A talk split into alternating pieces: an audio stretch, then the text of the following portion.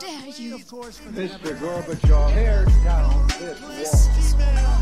I did not have sexual relations with that woman. Read my lips. Hell yes, we're gonna take your AR-15. He's waiting I out. have a dream. 2021 nærmer seg eh, slutten, eh, men ikke for SOS Podkast inne i den tredje sesongen. Eh, Og for å liksom feire 2021 eh, og markere 2021 på en skikkelig måte og ta inn over oss eh, 2022, så har vi jo eh, virkelig slått på stortromma, eh, stortromma i dag. Harald er kalt inn til Zoom-møte, og eh, med på dette digitale stormøtet så har vi fått med oss en gammel kjenning, en eh, notorisk student, tidligere student, eh, nå ja, journalist slash researcher slash sikkert mye, og eh, venn, vil jeg si, av SOS eh, podkast, en tidlig hjelper, nemlig eh, Maria Machiavelli. Velkommen tilbake. Takk skal du ha. Veldig hyggelig. Det er, det er jo en, det er, det er en glede. Det er en glede. Det har vært altfor uh, for, for lenge siden, men eh, sånn blir det når du ja, eh, hva skal jeg si? Du blir ferdig, du er ferdig utdanna, får en god jobb og på en måte kommer høyt på strå. Da er, da er, ble, veien til Østfold eh, og gamle venner den ble veldig lang. Veldig lang, faktisk. Eh, Så mye at det, det her er fortsatt digitalt, da. Så det ble ikke, Ja. ble ikke noe fysisk nå heller. Men eh, det er veldig artig å, å både se og høre deg igjen, eh, Maria. Så skal vi eh, snakke litt om eh, diverse ting i dag. Eh, Og for eh, Vi har jo også en ny god bit. Ikke bare er eh, Maria Machiavelli tilbake, men vi har til og med henta inn vår eminente lydmann. Thomas eh, Vokelatos. Eh, jeg tror ikke lytterne har hørt deg før, bare, bare liksom redigeringa di. Eh, føles det å være, være på podkasten? Det føles faktisk veldig stort eh, å endelig få den plassen jeg virkelig fortjener. Det, det, er, det, er, det er en stor dag. Det er en, det er en merkedag for alle. Det er det. Eh, Rett, og- altså, det var jo den episoden her vi kanskje skulle hatt for vår 100. episode, som eh, dessverre Vi hadde jo tenkt å markere på et eller annet vis uh, i hos, uh, på Grand Bar da, hos Per Sandberg, men uh, det korona og eksamen, og det er liksom bare tull. Um, å, å få det til, men vi satser jo på at i 2022 at vi kanskje eh, kommer i gang igjen med alt det her. Men det er jo litt sånn eh, kult da, å kunne samles der og gjøre litt eh, en liten oppsummering eh, av, av året. Men vi kan jo vi kan jo starte med deg, Maria. For Det er en stund siden du var på podkasten sist. Jeg mener Det må ha vært en livepodkast, må det ikke det? På, på Gran Bar rett før koronaen? Kan det være det? Vi, for vi hadde jo en, en, en serie gående eh, der vi hadde flere gjester på, på Gran Bar. Kanskje, kanskje Kjell Werner var den siste gjesten vi hadde. Og vi hadde planlagt flere gode gjester. Du hadde vel, du sto egentlig i bookingen der, gjorde du ikke det? jo, fra bookingansvarlig i SOS til NRK. Det er rart for den. Men jeg tror den siste episoden jeg var med på, var en digital variant i februar eller mars. For jeg hadde begynt i NRK. Stemmer det. Stemmer det Mm. at det var en digital variant der. Men du, du var jo veldig involvert i det når vi prøvde oss på dette live-opplegget, som egentlig fungerte ganske bra. Vil du si at eh, det å ha vært med i SOS og vært bookingansvarlig har spilt en viktig rolle i din, måte, din karriereutvikling? Ja, jeg tror ikke jeg hadde klart å bli journalist hvis ikke jeg hadde hatt den erfaringa. Det, det må sies. Ja. Det står høyt oppe på CV-en. Jeg syns Sondre stiller ganske ledende spørsmål. Jeg vet ikke hvordan eh, journalistene stiller seg til, eh, til akkurat det. Er det god- godt eller dårlig journalistisk håndverk? Nei, så lenge det ikke er eh, ja-nei-spørsmål eller hva er, så vil jeg si at du får middels pluss. Ja, nei, altså jeg, jeg ser ikke noe problem her. ehm, fordi når noe på en måte er sant, uh, så må man kunne på en måte grave i det. Men det, er jo, det, var, jo litt, eh, det var jo litt artig, egentlig. fordi at vi kan Det er jo litt fint å starte med en liten refleksjon over podkasten først. Uh, vi må feire oss sjøl, Harald. Og, Feire det eh, som feires kan? ja, eh, det må vi gjøre. Det Spørs hvor mye det er å feire, da, men vi starta jo bare opp det her litt sånn der for, for moro. Det er det jo fortsatt. Men det som var litt kult, var jo akkurat den der eh, perioden der, det er bare det jeg har lyst til å trekke fram bare helt kort. Akkurat det der eh, For da vi tenkte på å gjøre dette hos Per, da, så var jo også Maria Du hadde også en del sånne klare tanker liksom, om litt det der med markedsføring da, og litt det der med sånn eh, digitalt og sånn. Det var jo litt eh, Så blei jo det lagt litt på is etter hvert, men vi hadde jo plakater rundt i, i Halden, Halden sentrum, og, og ganske gode gjester. Og vi hadde jo gode gjester planlagt òg, um, så det var, det var jo egentlig litt artig òg, da. Mm. Er, er det her din måte å si at dere savner meg fælt på?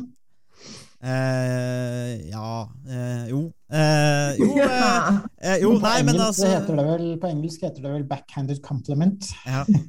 Nei, eh, jo, nei, det er egentlig ikke det heller. Det er, eh, men det var litt um, Man må ha noen drivende krefter. Harald og jeg vi kan snakke om mye rart òg, men det er eh, litt sånne andre typer ting. Det er, ikke, er vi kanskje ikke så røynde på, uh, som det heter. Uh, så uh, det er Vi har på en måte hjelpa hverandre. da Du kom ut til NRK, mye takket være SOS.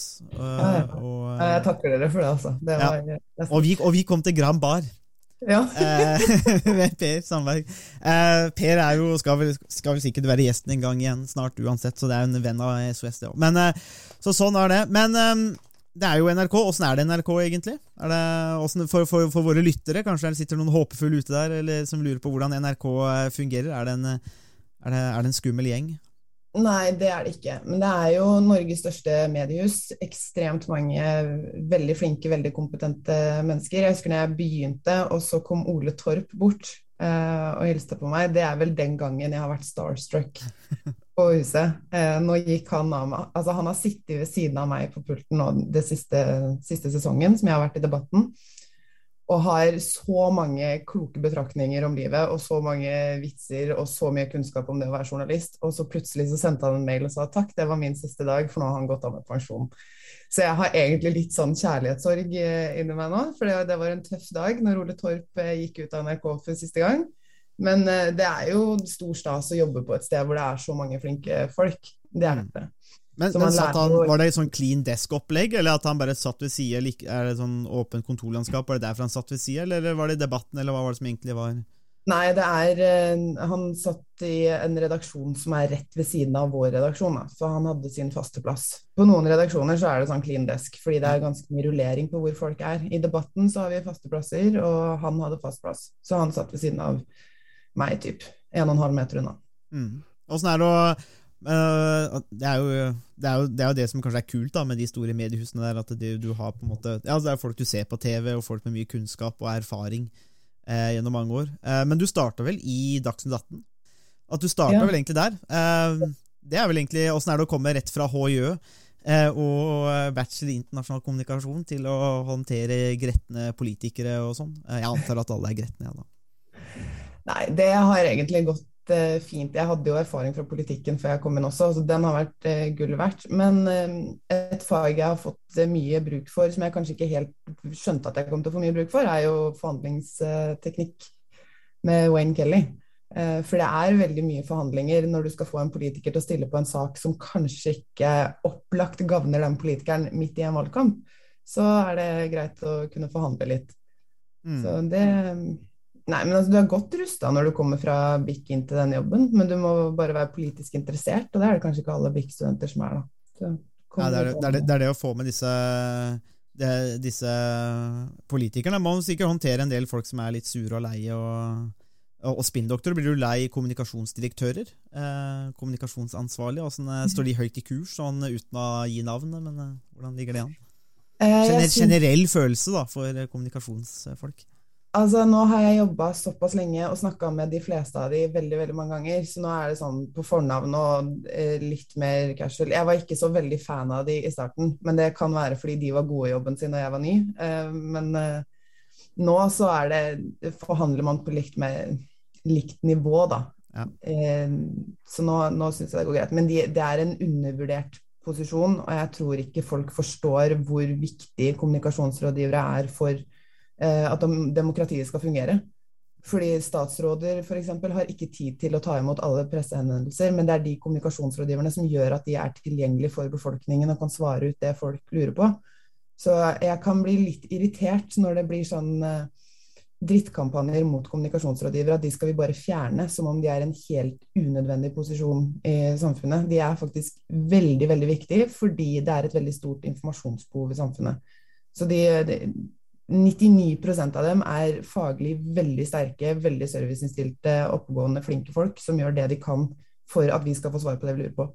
Så jeg er uh, egentlig fan av kommunikasjonsrådgivere. Demo, viktig for demokratiet, Harald? eh, er demokratiforskeren enig? Ja, altså det, det som eh, jeg stusser over en del ganger, er jo en del av svarene som politikerne og kommunikasjonsrådgiverne kommer For jeg, jeg ser jo veldig Det er veldig lett å se det poenget Maria kommer med, med eh, alle henvendelsene eh, som mange politikere får, og informasjonsbehovet.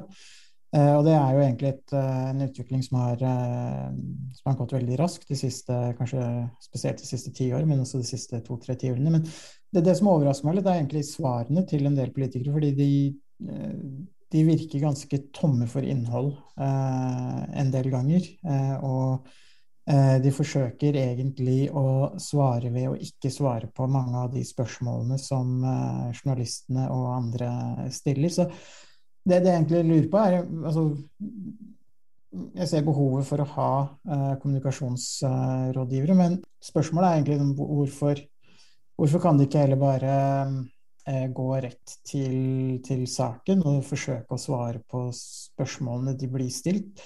Som velger så vil jeg jo egentlig ha mye større eh, respekt for politikere som, som kommer med mer oppriktige svar enn det jeg opplever at mange, mange kommer. Og her er det jo egentlig ganske likt på den politiske skalaen også. Det, det er ikke sånn at det er den ene siden som skiller seg ut som noe bedre eller verre eh, enn den andre. Eh, mitt inntrykk er at de veldig, veldig mange, uansett politisk farge, så, så forsøker de å, å komme med, med, svar som egentlig ikke så mange setter eh, pris på. Så spørsmålet er egentlig hvorfor, de, hvorfor har de valgt den strategien, eh, og ikke en mer sånn eh, skal jeg si, oppriktig eh, strategi?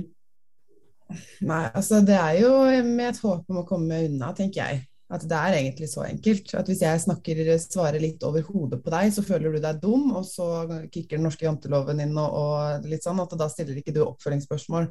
At noen er kanskje redd for å si 'hva mener du nå'? Ja, hva betyr det, det, det, du, det du sier nå? Men jeg tror kanskje det er noe av det viktigste en journalist kan gjøre, er å ha eh, tanken om at hvis jeg ikke skjønner det du svarer, som jobber med det her på daglig basis, vel, da skjønner ikke de som skal lese saken eller se på debatten, sånn, da skjønner ikke de svaret heller. Mm. Så at du må hele tida ha i bakhodet at når jeg, når jeg, stiller spørsmål, så er jo ikke det på vegne av meg selv, det er det på vegne av seerne til debatten, at de skal få svar på sine spørsmål. Så da spør jeg helt til det her er forståelig eh, for meg, og til at jeg skjønner at det også er forståelig for sofaen, da, som vi kaller publikum. Og det er vi veldig veldig fokuserte på i debatten. Er det forståelig for sofaen? Det bruker vi mye, mye tid på. Men i debatten så er vi jo i en litt annen posisjon, fordi du kommer inn og vi har muligheten til å stille eh, to oppfølgingsspørsmål, tre oppfølgingsspørsmål. Altså, du står der til du har svart, til Solvang er fornøyd med det svaret, og til vi er fornøyde med at nå har sofaen fått det svaret på det de lurte på. Men i en intervjusituasjon, hvis du skal lage en nettsak f.eks., så er det ikke plass til mer enn kanskje to, tre, fire spørsmål. Og da er det lettere for politikerne å komme unna med sånne dodgy spørsmål. Men strategien er jo eh, å virke kompetent, og så slippe å svare på det du eh, ikke har lyst til å svare på. Det er jo spinn i, i eh, realiteten. Og jeg tror òg en del politikere har blitt så vant til å kommunisere på den måten at, de, at det blir litt ubevisst til slutt. At de tenker ikke helt over effekten av det de gjør. De er bare vant til å snakke unna eh, saken. Men da er det jo journalistens jobb å hente dem inn igjen da, og så sørge for at spørsmålet blir besvart på en skikkelig måte. Mm. Det er et, et, et, et, godt poeng der at de kanskje Man blir kanskje, man blir kanskje trent på eh, å være unnvikende, svare, svare på visse måter, og så blir det på en måte inn i ryggmargen. på en måte. Det er sånn du blir skolert, kanskje, i, i partiet nå. Eller så kan du jo på en måte eh, jeg vet ikke helt uh, om, du, om, kan, om, jeg kan foreslå min linje her, da, om at de uansett er tomme for innhold, disse politikerne uansett. Uh, og at de er jevnt over er dummere enn folk flest. Men det er jo kanskje en litt sånn tøffere linje, da, men der står jo jeg, da. Uh, så da veit jo lytterne hvor, hva jeg føler om Men det her gjelder jo alle politikere, da. og alle politiske partier. Så, og det er vel også det din forskning viser? Det er, det er, det er egentlig det min forskning viser. så det er, så, så, sånn var det med den saken. Men uh, Thomas uh, jeg, jeg, bare tenkte på Burde det ikke være sånn at journalistene blir dyktigere på å stille dem til veggs jo dyktigere politikerne blir til å svare unnvikende. Fordi jeg legger merke til noen ganger på ulike debatter og sånn at eh, f.eks. Eh, programlederen er flink til å stille oppfølgingsspørsmål, men noen ganger så tenker jeg å, hvorfor satt du ikke nådestøtet der? Du hadde, du hadde virkelig mulighet. Men så virker det som de til slutt noen ganger trekker seg unna, og så tenker ja, ja, det er sånn det skal være. Men burde ikke journalistene bli flinkere til bare gå for uh, uh, Gå for nådestøtet? Ja, så nå, nå, driver jo ikke vi med mord eh, hos oss. Vi prøver jo Vi er jo faktisk avhengig av at folk stiller opp. De får ikke betalt for det eller noe som helst, og de kommer gjerne for å svare ut noe som kanskje er vanskelig å svare på. Kanskje er det en pågående prosess i et eller annet departement, så det ikke finnes så veldig mange klare svar. Eller kanskje det, har det skjedd noe dumt, altså omdømmesrekkende for partiet. Så skal de fortsatt stille opp frivillig på kveldstid for å stå foran 500 000 seere og svare det ut. Så Du kan jo skrive reiseregning, da. Men det er de vel avhengig av, å kunne få tid på f.eks. program som Debatten. Det er jo ikke noen andre alternativer å gå til. Jo, det er klart at de er, de er avhengig av å synes, men det finnes veldig mange steder å synes. Ehm, det er en del politikere også som ikke er veldig lette å få til å stille i debatten, men de synes på veldig mange andre plattformer. Men det å stille hos oss er kanskje den vanskeligste øvelsen for en politiker. Mm. Fordi eh, mengden oppfølgingsspørsmål og press i etterkant, og hvor mange som ser på og engasjerer seg i det Altså eh, vi, vi, stiller oppfølgingsspørsmål så godt vi kan, men etter hvert når vi skjønner at nå kommer vi ikke lenger, så er det greit om programleder sier jeg noterer meg at du ikke svarer på det jeg spør om, og går videre. Fordi når mm. personen ikke har svart på spørsmål, altså oppfølgingsspørsmål nummer tre, så skjønner vi også at da får vi ikke svar på nummer fem eller nummer seks. Mm. Og da går vi glipp av å kanskje få svar av de åtte andre vi har med i panelet. da. Ja. Det er litt det der når du skal gi deg. Eh, og så er det klart at innimellom så kan vi tenke i etterkant, for vi går jo gjennom sendinga i etterkant at ok, der ga vi oss kanskje litt for fort. Sant? Fordi at det er ikke, ikke svart-hvitt, og det finnes ikke et fasitsvar på det. Um, det er jo avgjørelser som må tas av programleder underveis i sendinga mens det står på. Og han eh, eh veit jo hvor mange spørsmål han har igjen som han skal stille i løpet av hele sendinga, så du kan ikke bruke ti minutter på en person som ikke vil svare. Mm. Jeg får bare kvalifisere det med å si at eh, med min, eh, min, min uttalelse som politiker gjelder egentlig rikspolitikerne, altså stortingspolitikerne. Eh, hva de lokale måtte gjøre, sånn, det er jo mye mer frivillig og et helt annet innslag egentlig enn de som er profesjonelle politikere. altså Min bredside avfyres mot uh, disse, disse, um, disse politikerne som ikke ser ut til å lære seg regler uh, og skjønne hvordan ting fungerer og samtidig det er, det, er, det er, helt fantastisk, for det, det, må jo være noe helt unikt at du kan ha en gruppe mennesker som blir valgt til verv, der, der, de kollektivt ser ut til å ikke lære seg regler og skjønne hvordan det fungerer, og samtidig eh, klarer å bryte mange av disse. På samme tidspunkt hevde at konsekvenser og straff ikke gjelder de. Eh, og så er det noe med at alt det som skjer, ser alltid ut til å gagne de selv. Eh, det går aldri utover dem på en sånn negativ måte. Og da lurer jeg liksom på hvordan er det mulig å få en, en sånn politikerklasse, en ansamling av mennesker, hvor på en måte alt dette her ser ut til å sammenfalle? Er det bare en sånn ren tilfeldighet? Eh, eller er, det, eller er, det, et eller annet med politikerne? Det er det, det, er det jeg lurer på, da. Altså, de, de, er jo som, eh, de er som folk flest. Hvis vi tolker regler, så tolker vi, vi, er vi også tilbøyelige til å tolke dem til vår fordel.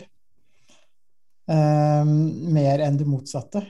Eh, så egentlig så kan man jo si at det er jo eh, det vakre ved demokratiet. Det er som folk flest, Politikerne er som folk flest, og de, de gjør som oss. Og de speiler og representerer oss eh, som folkevalgte, på samme måte som eh, folk flest snusker litt på skatten og har litt uh, gjør, de det, Harald? Jeg syns du kremter veldig. Nei, altså jeg har Jeg, jeg tror ikke jeg har snusk, eh, så mye snusk uh, når det kommer til, til skatt og andre ting, men uh, poeng, poenget mitt var mer at Folk flest vil jo ofte gjøre det samme og tenke på den samme måten i sine egne liv. Men du da, føler du at det er mer komfortabelt føler du deg mer komfortabel å ha vel vitende om at politikere på en måte er som folk flest? Føler du at det er, at det er noe vakkert i det? det. Nei, altså jeg, egentlig altså, jeg, jeg, jeg syns uh, jeg, syns det er litt rart at folk på den ene siden uh, maser om at man skal ha politikere som skal uh, speile folk flest. Og når man da får eh, folk flest eh, på Stortinget, så, så, er ikke det bra nok heller. fordi de, de gjør jo akkurat sånn som eh, folk flest ville gjort. Eh, og, og, det Du kan ikke få alt her i livet. Nei. Du kan ikke få politikere som både skal være folkelige som folk flest, eh, og følge alle, alle regler til punkt og prikke, kanskje. Men, så, så, jeg vet ikke altså Jeg, jeg syns noen ganger at den kritikken blir litt uh, Den blir litt ens, ensidig uh, mot politikerne. Men samtidig så er det ikke sikkert vi trenger uh, politikere som nødvendigvis speiler folket i, på alle mulige måter. Jo da, men jeg, altså, jeg, kan forstå tankegangen din, men vi lagde en sending på det tidligere i vår når det var veldig mye rundt Stortingets goder og misbruket av dem. Og fikk inn representanter fra folk flest, f.eks. en person som hadde gått konkurs med bedriften uh, og ikke hadde betalt inn skatt uh, som lovverket sier at skulle bli gjort. Uh, og hun fortalte om konsekvensene hun hadde møtt av systemet i etterkant, med brev i postkassa og innbetaling og frister, og hvordan systemet da fungerer for folk flest. For én ting er om, om folk flest er tilbøyelige til å utnytte reglene eller ikke følge dem. Men en annen ting, som kanskje er det som er mest interessant med eh, det som har skjedd med Stortinget og godene der, og folk flest, er jo hva som blir konsekvensene i etterkant. Og det er jo der det har vært veldig forskjellige Altså Der er jo den store forskjellen mellom folk flest og politikerne. Mm når stortingsdirektøren sier at nei, nå er det så mange som har misforstått dette regelverket, så da skal vi ikke gå etter dem. Vel, sånn svarer ikke skatteetaten, og sånn sier heller ikke Nav kontroll.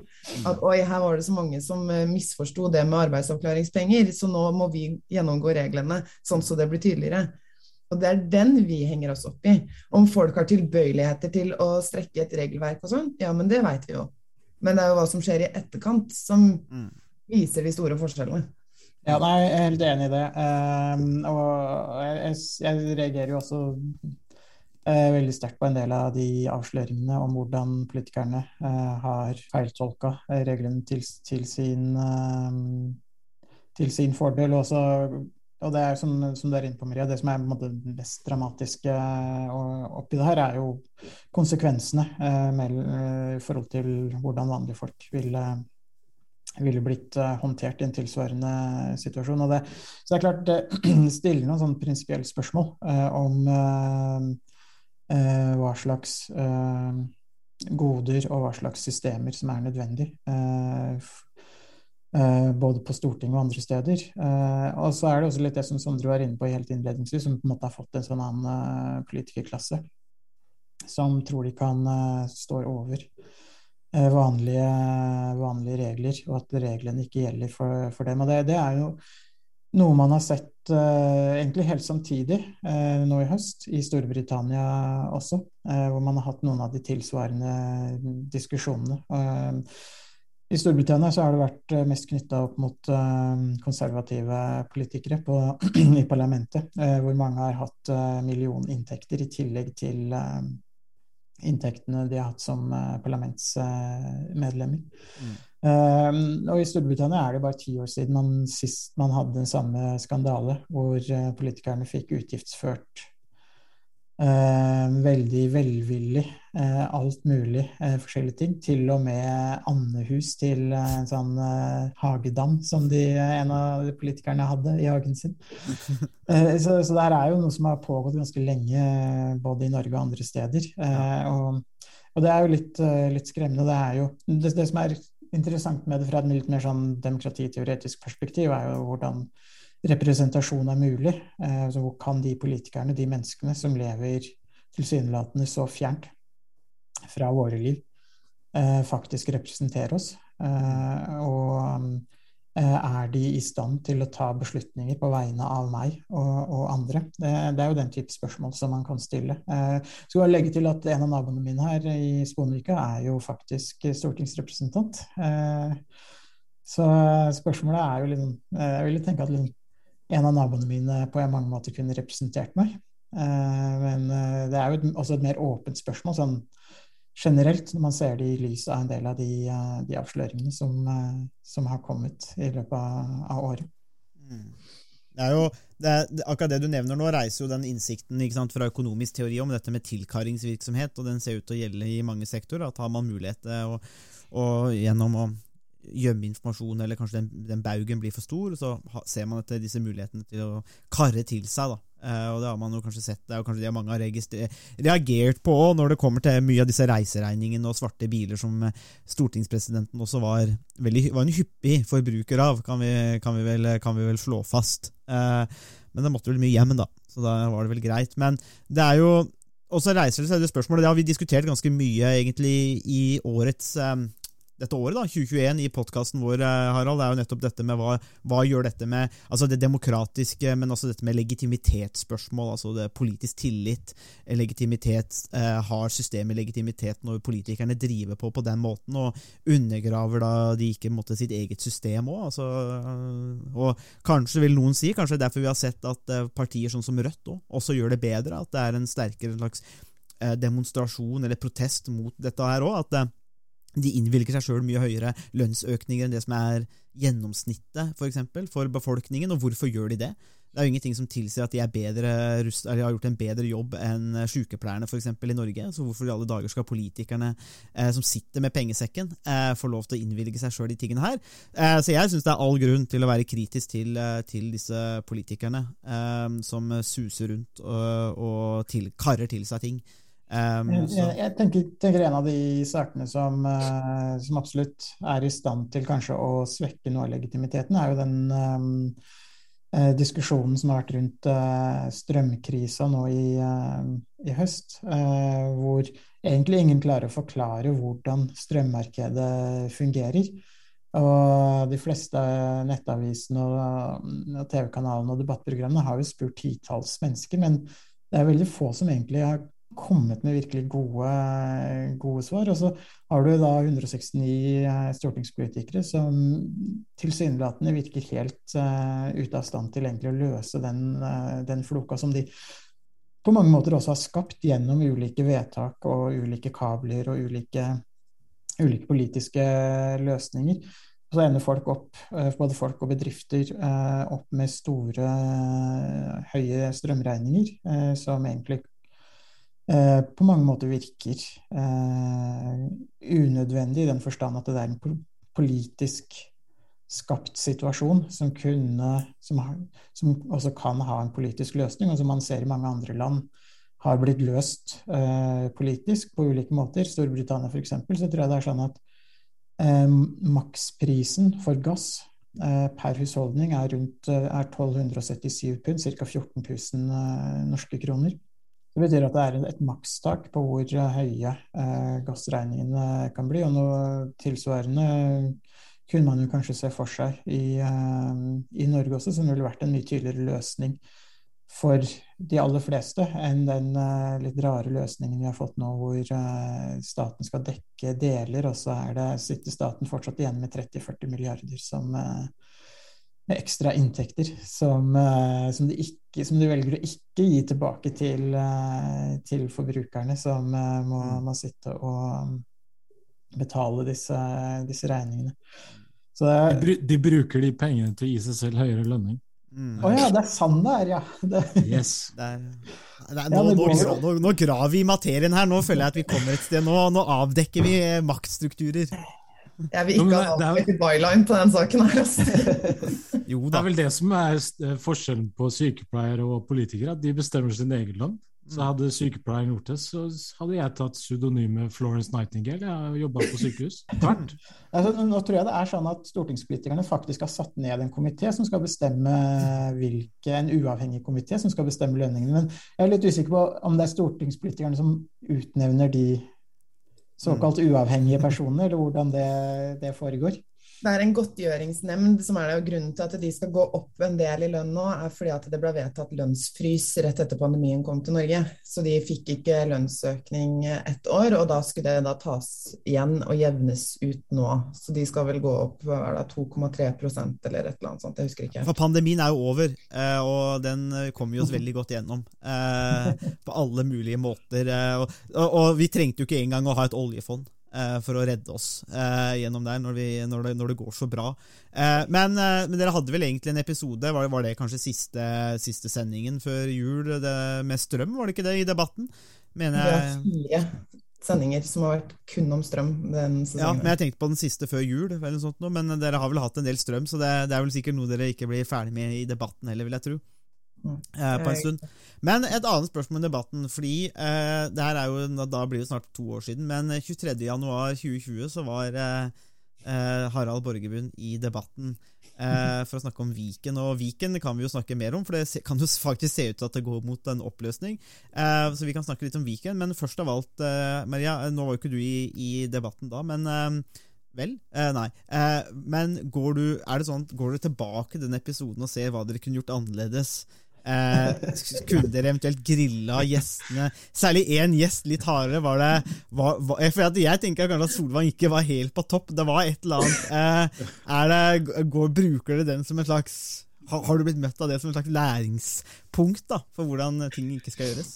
Nei, altså jeg har ikke det egentlig, men jeg, jeg skjønner at jeg burde gå tilbake og se litt. Altså, jeg tror Sondre har rett i, uh, i det han sier, for uh, Solvang huska faktisk ikke navnet mitt. Nei, det stemmer, det. Det stemmer, det. Så jeg tror den grillinga egentlig bare Den ble lagt død med en gang. Jeg tror vi må få et lite lydklipp, kanskje. Kanskje vi får inn den fra, fra, fra Nitron. Jeg husker den. Nei, det var jo en stor dag, selvsagt, for, for, for SOS. eh, Å ha folk i, eh, i, en, i en nesten like viktig plattform. Jeg kan, kan legge til at før, før sendinga så løp eh, Trygve Magnus Slagsvold Vedum rundt i sminkeavdelinga med en stor uh, puddelrock-parykk. Um, jeg, jeg må si at eh, jeg, jeg, jeg tror kanskje det hadde blitt en bedre sending hvis han hadde hvis han hadde møtt opp i, eh, i den parykken, for det så ganske, ganske morsomt ut, faktisk. Det skjer en del rart på det huset der. Så. Nei, De må jo ha det litt eh, moro, moro sikkert, når det kommer til de eh, det er, jo ikke, det er jo ikke så kult kanskje å komme på en debatt igjen og så begynne å snakke om Viken. Og så- altså, jeg skjønner jo kanskje at det å få leke litt puddelrocker eh, kanskje, er, eh, kanskje er greit, da. Ja, og han passer på pengene våre. Ja, det, ikke, ikke klag. Um, men Det var, bare, det var bare en observasjon. Ja, det var, det var, det var rett og slett bare en observasjon. Men jeg tenkte, ettersom jeg nå, for nå sitter jeg og ser over, skjønner du, over lista av episoder i debatten her, eh, Maria, eh, fra året 2021. Er det en sak som, eh, som, eh, som står igjen for deg som eh, mest interessant, artig eller spesiell eller vanskelig, eller noen noe sånn type ting? I debatten så har jeg vært den sesongen som har vært nå, så da må jeg jo i så fall velge en, en av de, da. Eh, det jeg syns er morsomst å jobbe med, altså som er en peak god dag for meg på jobb, er når jeg kan grave skikkelig i eh, hva folk har sagt og gjort. Og jeg får god tid til å bare sitte og grave. Så når jeg jobber med, med eh, Stortingets goder og, og sånn, og fant en NOU, for det var jo snakk om at dette regelverket her var det egentlig ingen som hadde fått med seg at det eksisterte og sånn. Og så gravde jeg litt i det, og så finner jeg en politisk håndbok hvor det står eh, klart svart på hvitt at den eh, reglene er sånn og sånn, og den politiske håndboka den blir delt ut til politisk ledelse når de tiltrer og alt sånn. Da koser jeg meg litt. Mm. Eller når eh, jeg sitter på jobb og vi har planlagt sendinga i nesten 30 timer, og så tre timer før sending så går stortingspresidenten av. Og vi må omrokere på alt vi driver med, og det er kjempehøy puls og adrenalin i redaksjonen. Det er også en drømmedag på jobb. Mm. Så da koser jeg meg. Men sånn av kuriositet som har vært gøy å jobbe med, det er jo den sendinga om Onlyfans. Fordi fordi det er så annerledes, og fordi jeg syns det er litt sjarmen med debatten, er at vi, vi tar opp alt mulig. Altså alt som er litt omstridt, eller som folk lurer på. Eller sånn. Du trenger ikke å Altså, det, det er alle klasser i, i samfunnet skal få en plass, da. Og fordi eh, da la Solvang ut på Instagram en forespørsel om eh, ja, har du kjøpt innhold på Onlyfans? Og det her er jo da, for de som ikke har hørt om det før, en plattform hvor du kan legge ut innhold du selv produserer. Og det kan være at du lager mat eller sånn, men det, det er også veldig ofte veldig seksuelt innhold. Så kan folk abonnere og betale deg for å få tilgang på det innholdet. Men så legger Solvang ut en eh, forespørsel på Instagram eh, om folk har kjøpt innhold, produsert innhold. Har du et forhold til Onlyfans, så vil vi snakke med deg. Og det raste jo inn med meldinger, og jeg satt og hadde veldig mange av de samtalene der, og fikk høre på alle historiene fra Vi plukka ut tre stykken, men det var sikkert 30 stykker jeg snakka med å få høre motivasjonen til folk og sånt om et fenomen som det er ganske lett og ganske menneskelig å ha fordommer mot. Og så få høre hvordan det egentlig fungerer, og få gravd i det. Og vi fikk med en fyr fra Edinburgh som fortalte helt uten altså null skam på at han jo, men han kjøpte innhold på Onlyfans. Og jeg synes Det jo er veldig interessant å jobbe med, for det er litt sånn Det tror jeg ikke vanlige folk får til, å få innsyn i den, i den greia sånn som vi får på jobb. da. Så da er vi litt privilegerte som får lære ganske mye om ting. Mm. Så det var en gøy sending å, å lage. Mm.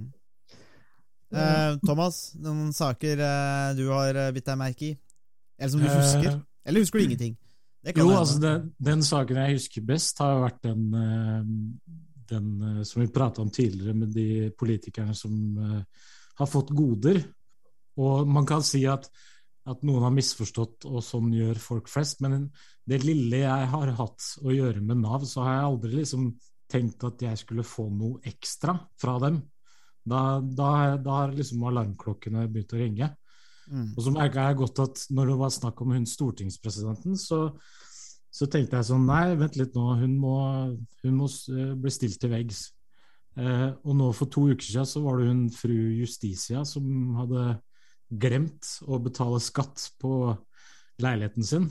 Eh, og da når jeg leste den saken om det, og så bildet av henne, så var det litt som å bli, som å bli sint for en hundevalp som hadde tissa på teppemerket. At det var ikke det samme reaksjonen. Og da, da tenkte jeg oi, Thomas, nå har vi fordommer her eh, som må, må tas tak i. Men så er det. Ja, men, men det er jo interessant, for det er jo en sånn Ja, så, så blir man kanskje litt sånn nummen nå, kanskje sånn i- med tanke på dere, alle disse regelbruddene òg. Kanskje man bare blir sånn der, ja ja, det er bare sånn som skjer, liksom. Ja, altså er jo jeg godt vant med Jeg er jo halvt gresk, så jeg er godt vant med at korrupsjon er eh, I Hellas er det veldig vanlig, mens her så er det litt mer sånn blåøyd at veldig mange blir overraska over at det skjer. Men eh, ja, det skjer. Litt mer gresk innsikt da, i norsk politikk, er det det du Ja, litt mer sånn eh, eh, realitetsjustering som må til. At eh, de fleste, når de får sjansen til å karre til seg noe, så gjør de det. det.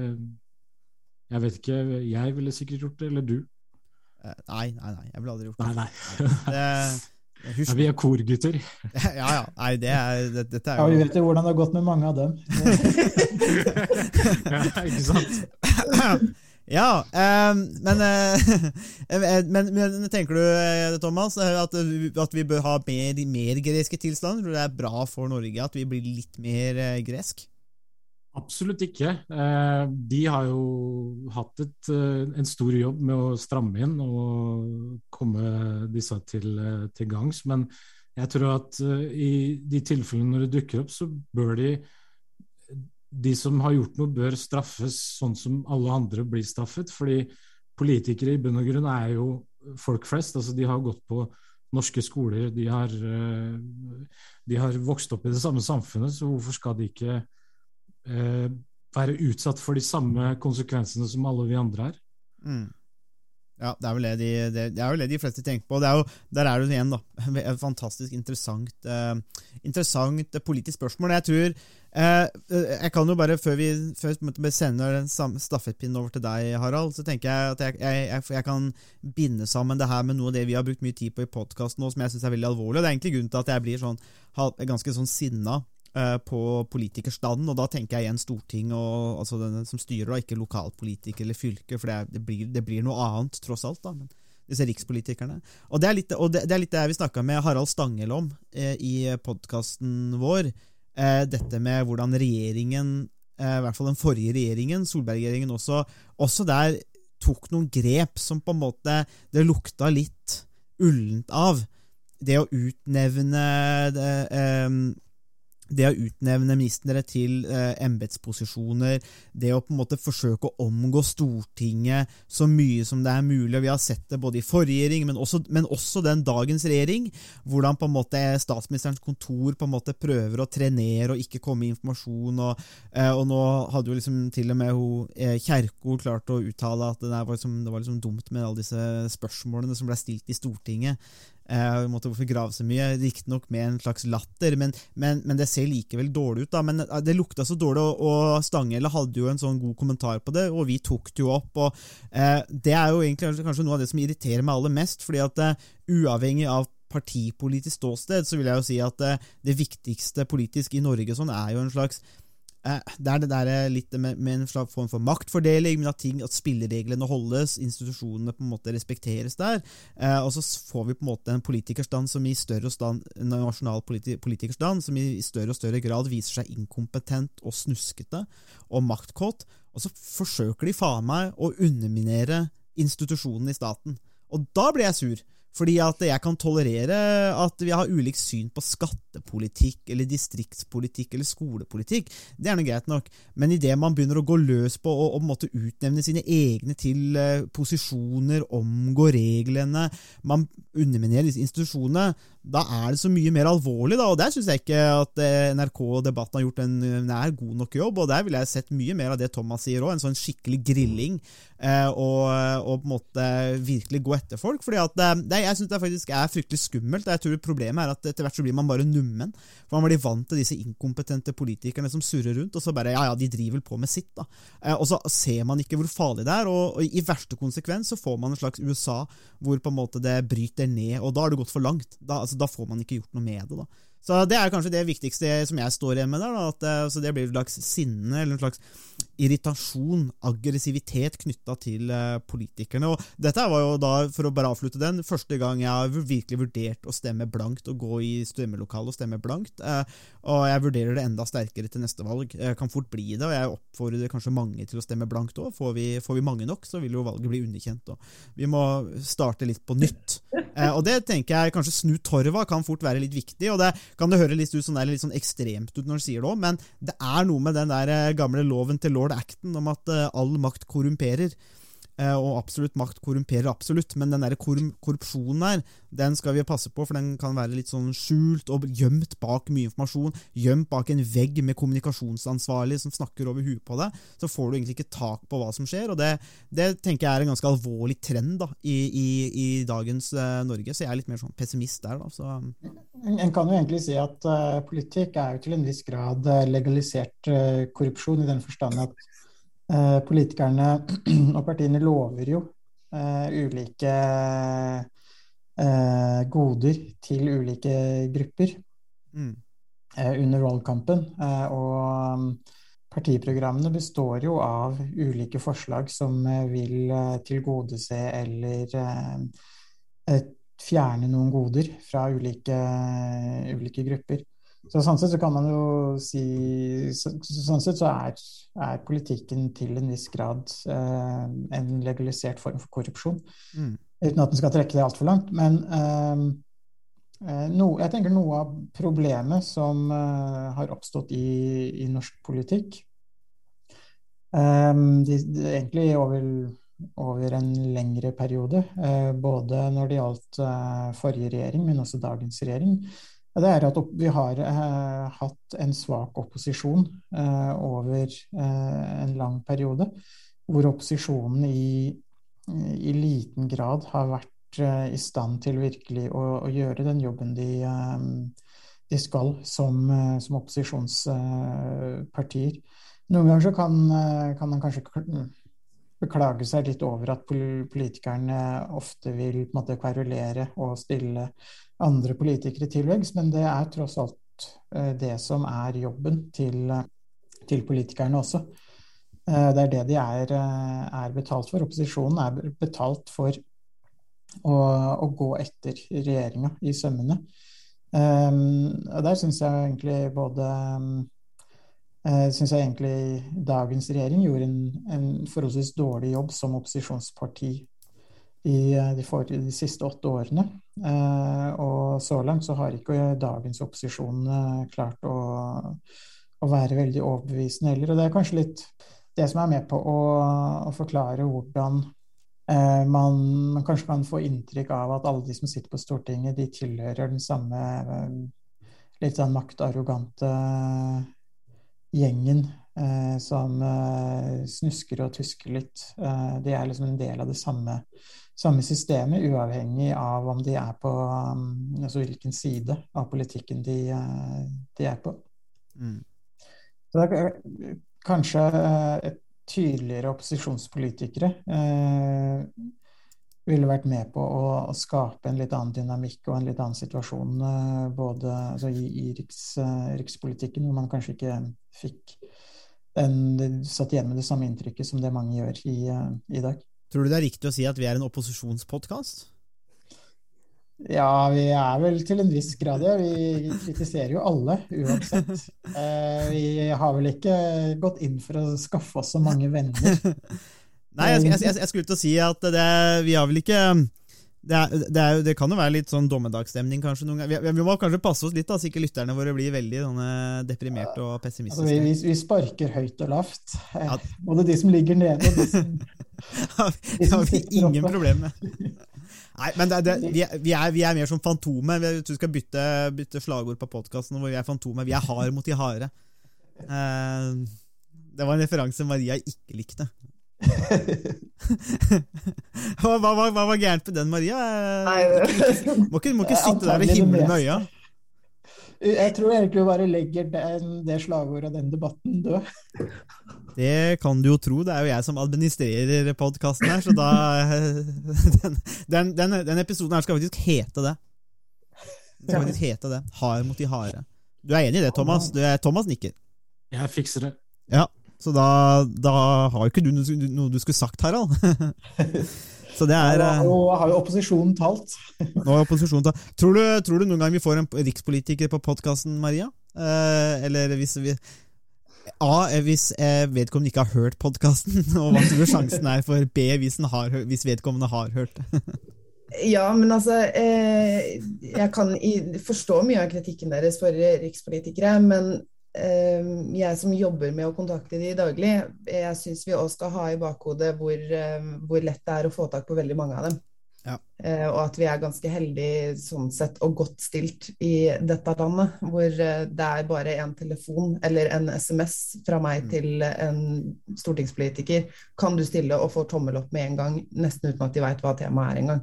Ja. Så veldig, veldig mange av dem er skikkelig gode på å møte media og de er det også når det er en sak som ikke gagner dem. Mm. Og det tenker jeg er eh, relevant å få med i det bildet som dere opposisjonsfolka driver og lager av eh, dagens situasjon. Ja. Fordi det er de som er vanskelig å få tak på, og som eh, kanskje har en litt udemokratisk holdning til mediene. At de kommer med den informasjonen de selv har lyst til å gi. De får veldig mye spalteplass, fordi da graver vi mer og bruker mer tid på de, naturligvis. Mm. Men det er ikke hele bildet. Eh, fordi de aller fleste stiller på kort varsel i så å si hvilken som helst sak. Mm. Ja. Det betyr at hvis du sender dem SMS og spør om de kan stille opp i denne podkasten, så får du tommel opp med en gang? Ja, hadde jeg bare jobba for denne podkasten. ja, det gjør du ikke det, da? Du er jo eh, du er en del av teamet, enten du vil eller ikke. på en måte. Det er, sånn, det er sånn det fungerer her. Når du først er inne der, da er du bondefanga. Da Altså, det har blitt en sekt, da. Det meg Nei, ja, det har det vært helt fra begynnelsen av. ja, det, det, det, måtte du vite. Men uh, det er jo Nei, men altså, du får sånn uh, Det blir jo sånn assosiert, altså medlem. Så ja. du er på inne. Men er ikke det litt fint, da? Altså, det er jo mange, er mange bedriftseiere og rike folk som har fallskjermer, og du har SOS. Så hvis det går dårlig i NRK, så har du Fallskjermen er jo på plass. ja, det er flott. Men jeg, jeg synes, eh, For å svare på spørsmålet litt, om dere kommer til å få med noen rikspolitikere? Ja, det tror jeg absolutt. Er, send en mail til noen av de, og så um, spør. Ja, For de fleste stiller gladelig opp på det her. Altså, dere er jo en god variasjon til det jeg driver med, f.eks. Ja, vi, er, det er jo litt, vi har ikke spurt heller, det er jo litt annerledes. Det er jo, eh, som sagt, vi er en, vi, er jo vi, kan, vi kan vel si at eh, vi, er, vi, altså vi, vi har eh, heldigvis, og svært gledelig, eh, en, en, ganske sånn eh, jevn økning i lyttere. Eh, og til de som måtte høre på, så må vi bare si tusen takk for det. det er jo litt egentlig litt utrolig på en måte. Vi, vi, vi opererer jo et nisjemarked, det må vi bare være ærlig å si, Harald. Eh, det, Hvis vi holder på i 100 år til, så er det så samme lyttertall som debatten. Ja, på én episode, kanskje. Uh, men eh, nei, altså, det, det går jo jevnt. Eh, og, det er jo litt sånn Hva skal vi si? Vi, eh, vi, vi, søker jo å ha en litt annen vinkling på ting, da, ikke sant? Altså Litt mer den statsvitenskapelige tingen som kanskje ikke blir diskutert ellers, fordi at hvem er det som klikker på, på sånne typer saker, f.eks.? Men det er jo den nisja vi søker å, å, fylle, da, så vi kan jo sikkert eh, prøve å få tak i en politiker. Jeg tenker Noe av det artigste vi egentlig gjorde, var jo altså det var veldig artig, sånn som da Harald Stanghelle kom og snakka om hvordan han så på forholdet mellom storting og regjering. Men det at vi hadde to amerikanere, og særlig en uh, slektning av deg, Harald, uh, Trump-velger, uh, som vi også lot prate. altså Han prata jo i 40 minutter, 30-40-50 minutter, og eh, det var jo ikke noe sånn Jeg, fikk jo tilbakemelding fra noen av våre lyttere som mente at vi burde vært knallharde mot, mot Ron, på en måte, og på, en måte kanskje latterliggjort mye av de tingene han sa, for noe av det var jo crazy. Eh, men det var jo ikke formålet med det vi gjorde. ikke sant? Det var jo bare å hva, er, hva er det egentlig en helt normal Trump-velger Hva er holdningen og tankene om USA? Eh, og det følte jeg egentlig er en av de bedre episodene vi har gjort, rett og slett fordi at eh, vi fikk det fra gulvet i USA, hva noen tenker om amerikansk politikk. Og det, det var veldig interessant, for den der polariseringen som mange snakker om mellom eh, eh, demokrater og republikanere, ja, ja, men altså, den var jo reell. Altså, Når du hørte på Ron, som egentlig er en, er en velfungerende mann, har jobba, har gjort det bra, alt mulig, det var jo null tiltro til republikanerne. Det var null tiltro til staten han bodde i, for der var det valgfusk, og tok det for gitt liksom at han levde i en stat hvor det var valgfusk.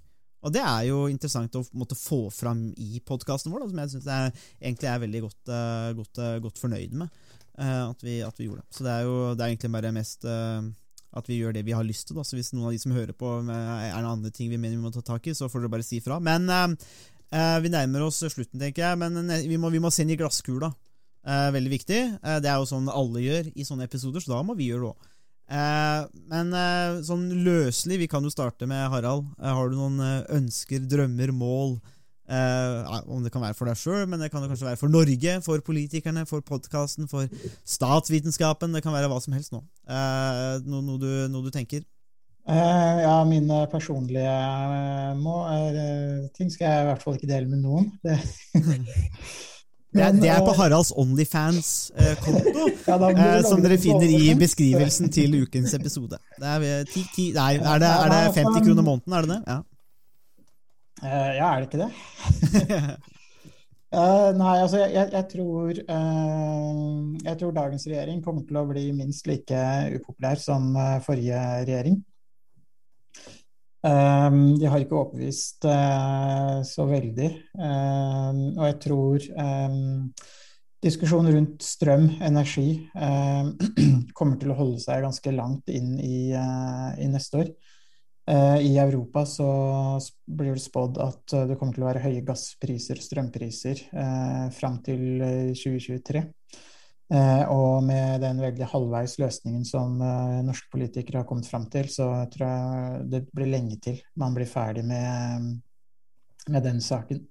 Eh, jeg tror også internasjonale forhold i tillegg til koronasituasjonen kommer til å ha betydning neste år. spesielt den spente situasjonen mellom Ukraina og, og Russland. Um, og jeg tror kanskje også situasjonen mellom Taiwan og Kina kommer til å få mer oppmerksomhet eh, neste år. I tillegg til eh, saken som aldri slutter å gi eh, overskrifter, nemlig eh, oppløsningen av Viken. Eh, som eh, nok også kommer til å prege, prege neste år. Mm. Og vi har sikkert ikke hatt vår siste Viken-podkast enda. Eh, så det tror jeg er noen av de sakene som, eh, som kommer til å til er, det du, er, det noe du, håper skal skje? Eh, jeg, jeg håper jo selvfølgelig, som de fleste andre, på lave strømpriser. Eh, men, men altså, jeg håper selvfølgelig at det ikke blir krig mellom Ukraina og Russland, selv om det ser eh, litt alvorlig ut. Og frir i verden?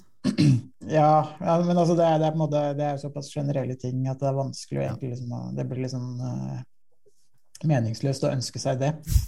Men, uh, men jeg ønsker i hvert fall at uh, den situasjonen mellom Ukraina og Russland får en løsning. Det er ikke sikkert at det, det blir en, en varig løsning, ikke bare en midlertidig løsning, sånn som vi har sett siden, egentlig siden, Mm. siden 2014-2015. Men uh, ellers så har jeg ikke noen sånne store, store ønsker om at eh, noe skal skje i, eh, i verden. egentlig. Det beste er når ting ikke skjer. Var veldig, var veldig, var veldig jordnært, syns jeg, Harald. Ja, så da er det Sponvika. Det det, ja. Eh, vi, vi kan jo flytte oss over til vår, vår greske venn. Hva, hva jeg håper? Ja, eller tror kommer til å skje, eller er det noe du Altså, det kan jo være noe du eh, eventuelt altså, tror kommer til å skje, og så kan det være noe man håper vil skje òg, eller de håper ikke skjer. Det kan du, kan du velge sjøl, egentlig. jeg håper at hvis det kommer nye eh, eh, koronavarianter, så skal dere slutte å bruke det greske alfabetet til å navngi dem. Fordi jeg, jeg er så lei av at, at eh, norske politikere ikke klarer å uttale greske bokstaver. Eh, vi aner ikke hva dere snakker om når du sier omikron. Det, hva, altså, hva er det? Hva, hva, hva er det? Nå, nå, må, nå, må, okay, må, da, må vi, da må vi sette på plass her nå. Det er, det så det er ikke omikron. Omikron. Omikron. Ja. Så det er, det er liksom sånne ting. Og så uh, utenom det så håper jeg at uh, Apertina blir forbudt å selge. Eh, jeg, jeg, jeg, håper, jeg håper egentlig at koronaen blir ferdig snart, fordi som podcaster og eh, vikarlærer så er det egentlig dårlige tider når alt er stengt ned og eh, alle skal holde avstand til hverandre. Så nei, utenom det så er jeg den fødte optimist. Utenom det. Det, det, det, det, det er ve ve veldig bra, det må man være vet du, når man også får, eh, får sånne litt u eh, opptak av SOS podkast av litt sånn ymse kvalitet. Eh, Det er jo det er noen ganger det går fram og tilbake mellom meg og Thomas, da, som Utfordringer. Det liker vi. Utfordringer liker vi. Ja, men det har, det har, har, har gått bra. Eh, Maria, da? Nei, jeg tror det blir eh, mye korona, men eh, den debatten som har begynt å komme i gang nå, eh, på hva ettervirkningene har vært av forskjellige tiltak, den tror jeg vi kommer til å se mye mer av i løpet av våren. Eh, Og forhåpentligvis hele det kommende året, for jeg tror det er en veldig, veldig viktig diskusjon å ta, og mye, mye læring eh, Mm. ligger i det, hvis det blir gjort på en riktig måte for seinere lignende tilfeller. Eh, strømdebatten den eh, fortsetter nok i lang tid. For jeg tror det ligger en annen politisk innrømmelse der om at eh, dagens system fungerer ikke optimalt for alle. Mm. Og jeg tror at det kommer til å være mye om økonomien. Nå har, Nicolai Tangen vært ute en rekke ganger de siste ukene og prøver så godt han kan å fortelle politikerne om at avkastninga til oljefondet kommer ikke til å fortsette som en strek opp i skyene. Eh, vi må forberede oss på at det fondet plutselig går i null. Eh, og det vil si mye for hvilke budsjetter eh, politikerne kan legge fram, og hvor skal det da kutte? Når eh, vi er såpass eh, glad i og avhengig av eh, velferdsstaten at dersom regjeringa kutter i brillestøtte til en veldig liten gruppe, så blir det nærmest oppstandelse eh, og protesttog. Vel, da ønsker jeg lykke til til alle innbyggere den dagen vi innser at eh, 0 avkastning vil bety ikke bare må vi droppe brillestøtta, men kanskje også kutte i tilskuddet til glutenallergikerne og andre ting. Så eh, jeg ønsker meg eh, en del debatter på hvor vi skal kutte hen.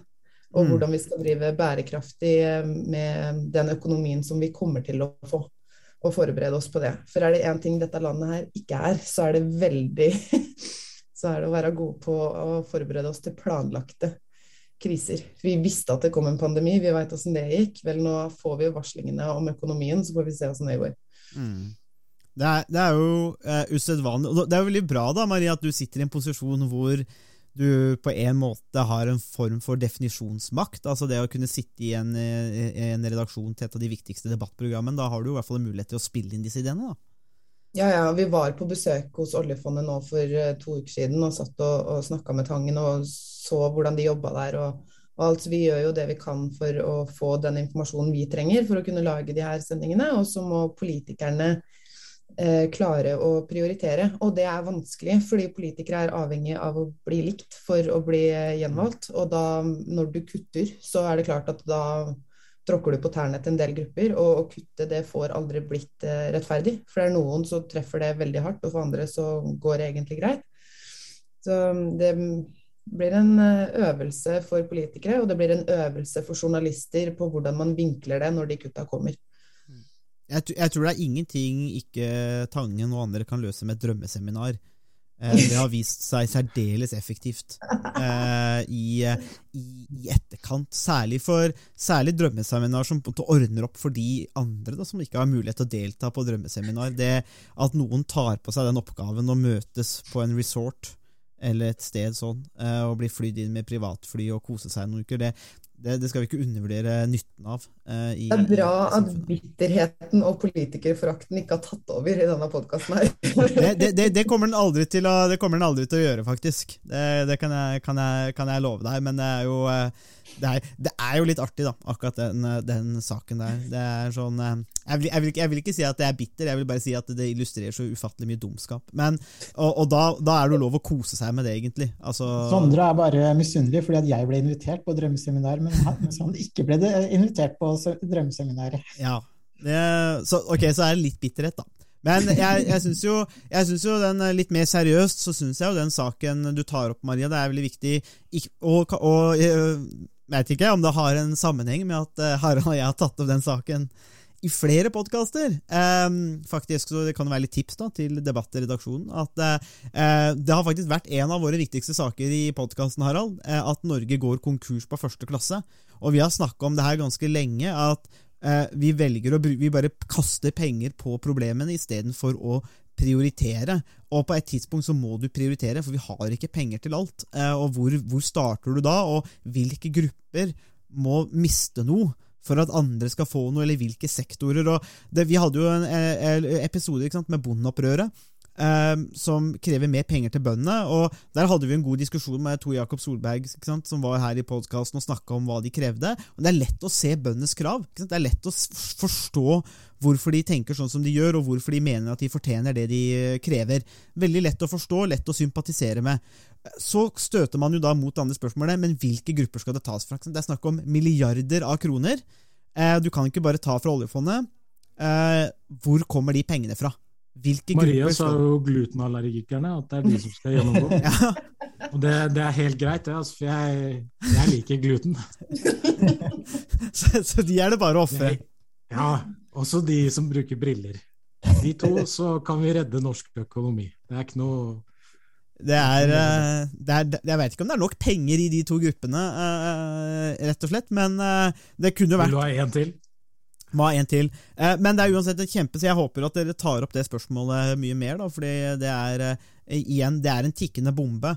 eh, som, vi, som vi sitter på. Og har vi, vi har på en måte klart oss gjennom den forrige fin altså finanskrisa og nå en pandemi, som egentlig er to veldig sånne sjokk til systemet. Og vi har jo egentlig klart å kjøpe oss gjennom krisa på mange måter, uten å ta vanskelige valg. Og så er spørsmålet hvor bra er det å ikke ta vanskelige valg òg? Altså, det blir litt sånn som bilindustrien i USA. ikke sant? Det er en del sånne selskaper skulle jo ha booka under i 2008-2009, i hvert fall hvis man, eh, og i USA, hvor man er kapitalistisk, så burde man jo denne jernloven egentlig holdt, da, at eh, etterspørselen synker. Eh, Og tilbudet, og da skulle disse gått konk. Og de kunne kanskje da kunne kanskje entreprenørskapet, kreftene, blitt eh, sendt utover til andre sektorer som har vært mer bærekraftige og kanskje bidratt til den grønne omstillingen. Men, ellers så, men istedenfor så tviholder man på den gamle industrien da, og, og, og fortsatt tar ikke disse viktige grepene. Eh, som egentlig er det som er dynamikken i kapitalismen nå. Da, at man får denne omveltningen, men også nyskapningen. Man bryter opp Eh, og så får man denne nyskapningen, og det tror jeg ikke man vi gjør i Norge, for det, det koster for mye. og Da spørsmålet blir vi som Sovjetunionen, hvor man hadde ny teknologi eh, og kunne omstille seg, men man kunne ikke, omlo, eh, man kunne ikke bytte om altså Det var jo industri som var i store byer, de som var avhengig av gammel industri.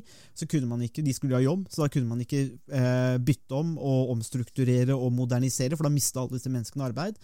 Og så endte det med at Sovjetunionen også sakka akterut og ble en sinke. og da er spørsmålet, Gjør vi samme tingen i Norge? Eh, bare at vi på litt annet grunnlag. Da. Så mm, ja, jeg håper for 2022 at Maria er veldig flink i debatten og kjører på med disse vanskelige spørsmålene. Det er egentlig det jeg ønsker meg i 2022. Pluss at vi kommer tilbake da med livepodkast. Um, det håper jeg jo egentlig at vi kan, kan få til i løpet av 2022. Vi har jo noen planer, så får vi se da hva, hva som egentlig blir uh, enderesultatet av dette her. Uh, noen, siste, noen, siste, ting dere har lyst til å lire av dere før vi, uh, før vi, før vi slår av podkasten? Ja, jeg har jo et ønske for podkasten, og det er jo at dere kommer med merch snart. Uh. For det har jo dere snakka om i to år. Så at dere får ut fingeren litt uh, på det, det tenker jeg er på tide. Så dere må jo ha noen mål for poden. Ja, nå er det sånn supply chain-problemer, så det ligger på en container et eller annet sted. ja, det er, jo, det, er, det er, jo, lov for lytterne her å, å sende inn hvis det, er, hvis det er merch er noe som er ønskelig. Er, jeg vet ikke, vet ikke hva slags merch du ser for deg, Maria? Nei, Der tenker jeg dere som er så kreative, oppegående folk, klarer å komme på noe bra. Make SOS great again. Ja. Make staten great again. det er nettopp det. Jeg, et bilde av Harald. Altså Det tenker jeg kanskje all merch må ha. Et bilde av Harald. Uh, det, det, selger. Og link til Onlyfans. Uh, kanskje, kanskje, det er, kanskje, er det veien å gå kanskje for SOS Podkast? Men så tenker jeg også, fordi Harald, Hvor mange ganger har du vært på Dagsnytt 18 og To? Én. Uh. Og hvor mange ganger har du vært i Debatten? også én. Ja. Sondre, hvordan ser den statistikken ut for deg?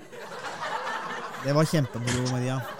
Um, nei, det, det, det, ser veldig dårlig ut. Uh, det, men jeg skjønner jo hvorfor. fordi at jeg har alltid følt at det er en propp i NRK-systemet som står og på en måte uh, stopper Litt sånn, død, sånn portvokter.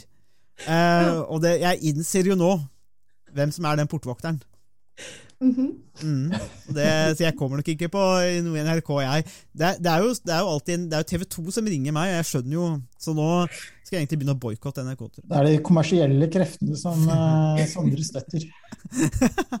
ja, det er, det, er, det er, nettopp det. Så der må jeg ha merch. Nei, uh, var, var, det noe du ville si med det der, Maria? Var det, var det noe du Jeg tenkte bare det er lov med personlige mål for det kommende året òg, liksom. Det ja. slenger du ut der. Men men, eh, men, men, det er jo litt det, det, er jo det er klart, eh, nå, nå hørtes du egentlig ut som fattern, men det er, eh, det er jo litt sånn Litt vanskeligere for meg på en måte, da, fordi at når du er terrorforsker, så er du liksom avhengig av at det går til helvete et sted med terrorangrep. Og det er spørsmålet ønsker man det. Eh, og bør jeg da ha et For hvis jeg kommer på Dagsnytt 18, så har du antakeligvis noe med terrorangrep å gjøre. Og det er kanskje, kanskje litt uetisk å skulle si at, liksom, at det er et mål, da. Så um, det er uh, Jeg vet ikke om vi skal uh, satse på det, kanskje. Men, uh, men, men, det er notert, Maria. Jeg skal notere her. Må bli mer ambisiøs. noterer, jeg, noterer jeg her som kommentar fra Maria. Da føler jeg jeg har bidratt med mitt, egentlig. ja, det er, det er, veldig bra. Nei, vi, får, vi, får, håpe på et godt år. Kanskje vi får til en, en livepodkast med, med alle mann nå hos Per. Jeg er sikker på at Per savner deg i baren, Maria det kan være. Det er Gode uh, tider, det. Ja, nei, sånn er det. Men det var uansett hyggelig. Da har vi fått oppsummert, ja, halvveis oppsummert uh, året. Jeg er veldig glad for at, at, jeg fikk lov til å gjøre min favorittaktivitet, som er å skjelle ut politikere, eller være sinte på politikerstanden. For det, det, merker jeg jo egentlig jeg blir mer og mer glad i. Um, så det er, det, er, det er, egentlig en viktig grunn til at vi har den podkasten her, da. At jeg kan være litt sinna på politikerne. Du lyser jo opp hver gang. Du uh de kjefter på politikerne. Ja, sånn, sånn, eh, sånn, sånn, skal det være. Men eh, det også, høres uh... vi, vi, vi, må også ønske alle våre lyttere et riktig godt nyttår, og spesielt til dere glutenallergikere. Jeg føler det her ødela karrieren min. Altså, jeg mente ikke at man skulle kutte i glutenallergi. Dere hørte det her først. Dere hørte det her først. Også, men så er jo spørsmålet da, Maria, om du nå legger deg flat, fordi etter da går det stort sett bra, tror jeg. Nei, jeg tenker at det er sikkert noen som har tillit til meg. Så så Ja. lenge noen bare sier det høyt, at de har tillit, så er det her good. Ja, Ikke nei, glutenallergikerne, i hvert fall. ikke gluten- glutenallergikerne og, og de Nei, som de går med briller. selv. De, må, de, de, de, får, de, de, får, de får klare seg sjøl. Eh, uansett, eh, kjempehyggelig. Da tror jeg ikke vi eh, ønsker som sagt alle våre lyttere en fortsatt gledelig jul. Eh, men også et, eh, et eh, godt eh, nytt år, og så er vi tilbake med nye episoder på eh, til eh, over, over nyttår en gang. Ja, vi er vel det, Harald? Ja det er vi. Yes. Det bare mangler. Mr. Gorbachev, tear down this wall. I did not have sexual